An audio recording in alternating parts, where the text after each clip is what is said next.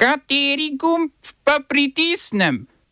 Tisti, na katerem piše OF. Vučić teden dni pred volitvami priredil odprtje dela plinovoda z Bolgarijo. Davki v parlamentu, minimalna 15-odstotna obdavčitev korporacij. V zakonu o obnovi obdavčitev dobičkov bank in dodatni 3 odstotki davka na dohodke pravnih oseb. UKC in medicinska fakulteta z dogovorom. Fakulteta izvajanja storitev ne bo ustavila.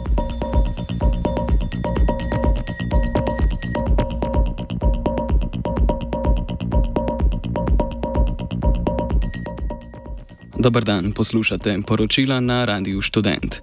Srpski predsednik Aleksandar Vučić je v bližini Niša priredil odprtje novega dela plinovoda med Srbijo in Bolgarijo. Plinovod med Nišem in bolgarskim novim Iskarjem sta sosedi načrtovali za zmanjšanje odvisnosti Srbije od ruskega zemljskega plina. Plinovod večinsko financira Evropska unija. Na novo so zaenkrat zgradili del plinovoda v Srbiji med Nišem in Dimitrovgradom na vzhodu države. Vučić je sloves slovesnost ob začetku testne faze uporabe plinovoda priredil v propagandne namene teden dni pred splošnimi volitvami. Srpskega vladarja sta, srpskega vladarja sta prišla počastiti bolgarski predsednik Rumen Radov in azerbajdžanski Ilham Alijev. Kasneje sta si z Vučičem ogledala še prikaz oboroževanja specialnih enot srpske vojske. Plinovod bo Srbiji omogočil dostop do azerbajdžanskega zemljskega plina ter državo povezal s terminalom utekočinjenega zemljskega plina v grškem pristanišču Aleksandropolis. Imel bo letno zmogljivost pretoka skoraj 2 milijard kubičnih metrov plina.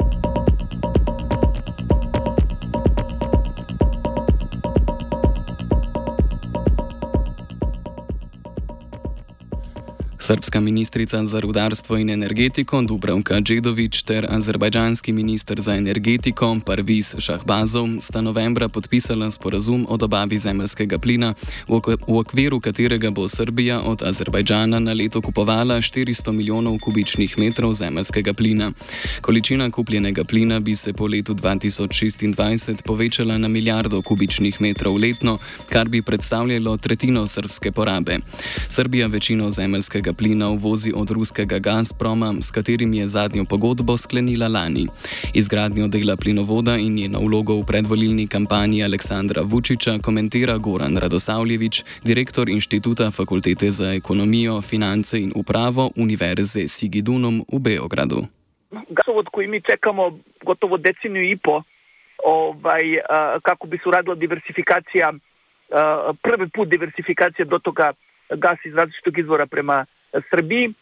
Mislim da je e, ovo još uvek predizborna marketička kampanja, ali da su ovo dobri koraci u, u pravcu da gas poteče uh, i, sa, i sa druge strane, u ovom slučaju od strane Azerbeđana, što je svakako dobro za diversifikaciju energetike uh, Srbije, s tim u vezi i dogovor koji je napravljen pre toga između, između dve vlada o kupovini određenih količina glasa od Azerbeđana. Ovo takođe otvara i još jedan kanal, a to je dotok gasa preko LNG terminala u Aleksandropolisu uh, onog trenutka kada on bude bio uh, funkcionalan, uh, jer se time, da kažem, zaobilaze ruska, ruska gasna konekcija preko, preko Bugarske koje, sada gas, gas dolazi. Dakle, ako me pitate da li je projekat završen, svakako nije u potpunosti i bit će potrebno da prođe verovatno još malo vremena da njime poteče, poteče gas.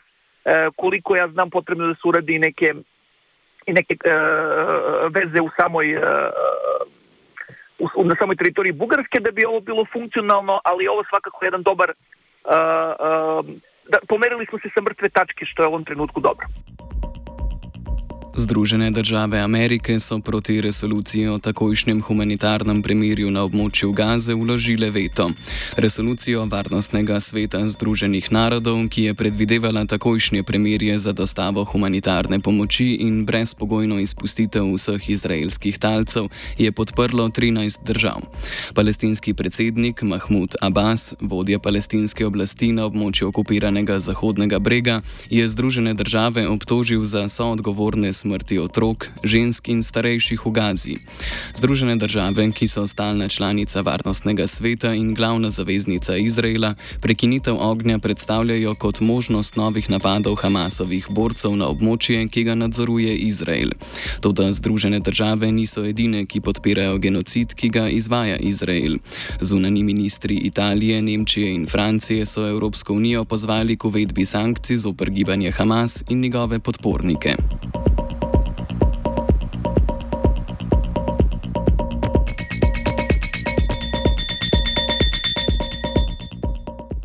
Izraelska vojska medtem nadaljuje svoj genocidni pohod po Gazi, ki obsega tako zračne napade kot kopensko invazijo na severu in jugu enklave. V zračnem obstreljevanju begunskega taborišča Magazi v srednji Gazi so izraelske sile ubile 23 ljudi. V svojih napadih se je Izrael čez vikend osredotočil na jug enklave. Obstreljeval je zlasti mesto Han Yunis in območje ob mejnem prehodu Rafa.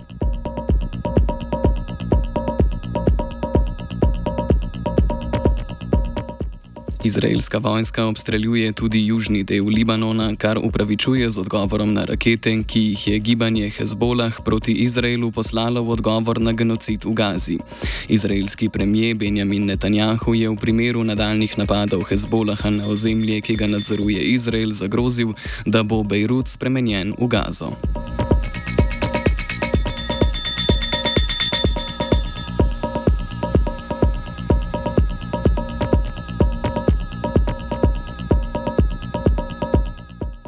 Indijsko vrhovno sodišče je pritrdilo odločitvi desničarske vlade Narendra Modija iz leta 2019, ki je spremembo ustave zdaj že nekdani zvezdni državi Džamu in Kašmir oduzela avtonomijo.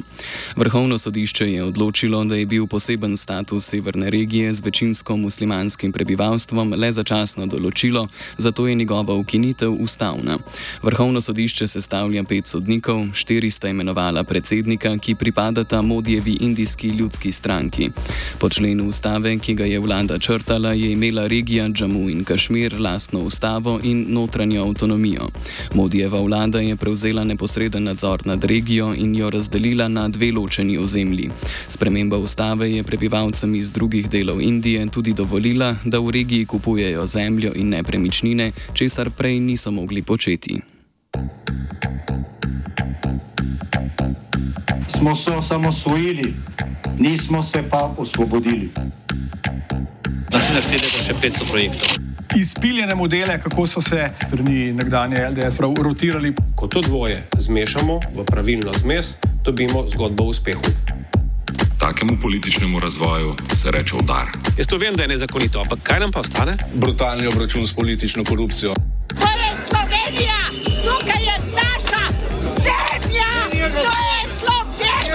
Slovenija, Slovenija, Slovenija. Državno-zborski odbor za finance je potrdil predlog zakona o minimalnem davku. Predlog zakona uvaja minimalno 15-odstotno efektivno davčno stopnjo za skupine podjetij, ki imajo na globalni ravni vsaj 750 milijonov evrov letnih prihodkov. Upravni red z novim zakonom Slovenija prenaša lansko direktivo Evropske unije, ki je sledila globalnemu dogovoru o najmanj 15-odstotnem svetovnem davku za velike korporacije. Splošni davek na dohodek pravnih oseb oseb v Sloveniji sicer znaša 19 odstotkov, efektivna davčna stopnja pa se po ugotovitvah finančnega ministrstva giblje med 14,7 in 14,8 odstotka, kar je pod povprečjem unije.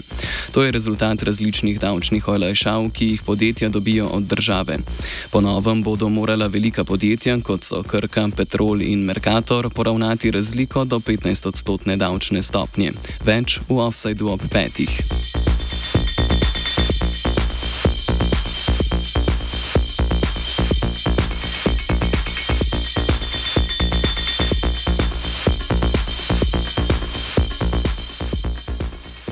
Odbor za finance obravnava tudi zakon o obnovi, razvoju in zagotavljanju finančnih sredstev. Cilji predloga zakona so vzpostavitev mehanizmov za obnovo in zaščito pred prihodnimi naravnimi nesrečami ter pospešitev razvoja na prizadetih območjih. Za prihodnje financiranje projektov in ukrepov povezanih s poplavami in plazovi bo po zakonu ustanovljen proračunski sklad. Sredstva zanj se bodo zbirala na računov, ločenem od ostalih proračunskih sredstev. Sklad za obnovo bo financiran iz treh virov: davka za banke, davka na dohodek pravnih oseb in čistega dobička slovenskega državnega holdinga. Banke bodo do leta 2028 plačale dodatnega nič cela dva odstotka lastne bilančne vsote, pri tem pa davek ne bo smel preseči 30 odstotkov letnega dobička bank. Predlog zakona določa povišanje davka na dohodke pravnih oseb za 3 odstotne točke z 19 na 22 odstotkov. Zakon tudi določa tretjo razvojno os med Šentrupertom in Prevaljami kot osrednji cestni infrastrukturni projekt.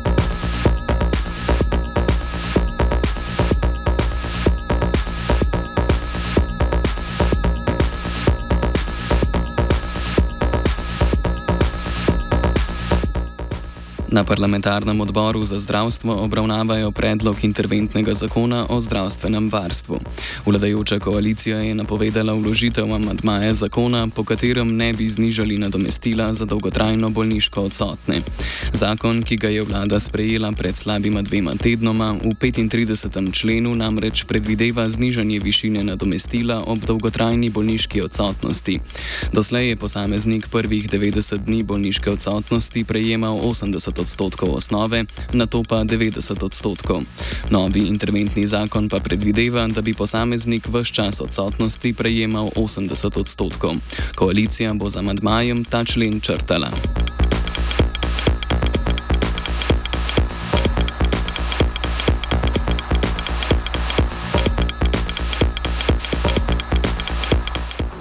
Lidija Kegljevič-Zagorc, ki jo je vlada v četrtek imenovala za državno sekretarko na Ministrstvu za naravne vere in prostor, je odstopila z mesta članice uprave Darsa. Uprava družbe za avtoceste ima sedaj tri člane in sicer predsednika Davida Skornška, člana Andreja Ribiča in delovskega direktorja Rožleta Podborška. Nadzorni svet je Skornška za predsednika imenoval 7. novembra po odstopu Valentina Hajdinjaka.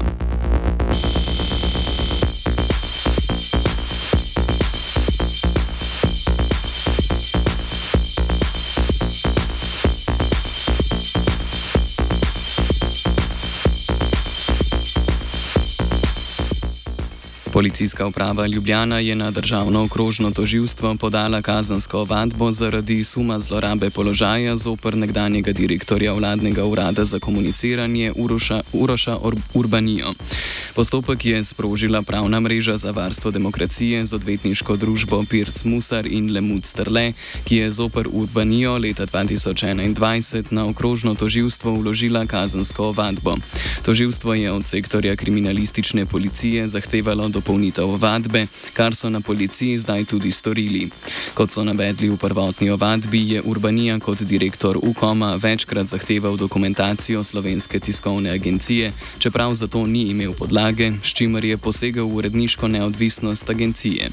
Prav tako ni pravočasno odredil in odobril plačil za opravljanje javne službe in s tem slovenski tiskovni agenciji povzročil premožensko škodo in onemogočal njeno delovanje. Po odhodu z televizije Slovenija je Urbanija že postal odgovorni urednik Planet TV.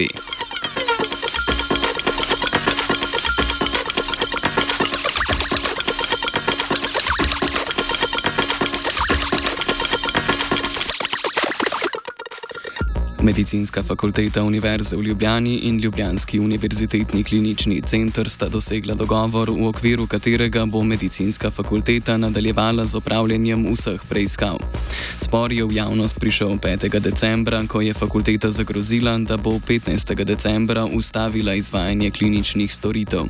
Klinični center je po navedbah dekana fakultete Igorja Švaba fakulteti za izvedbo storitev dolžan 43 milijonov evrov. Podrobnosti dogovora dogovora o nadaljevanju opravljanja kliničnih storitev še niso znane.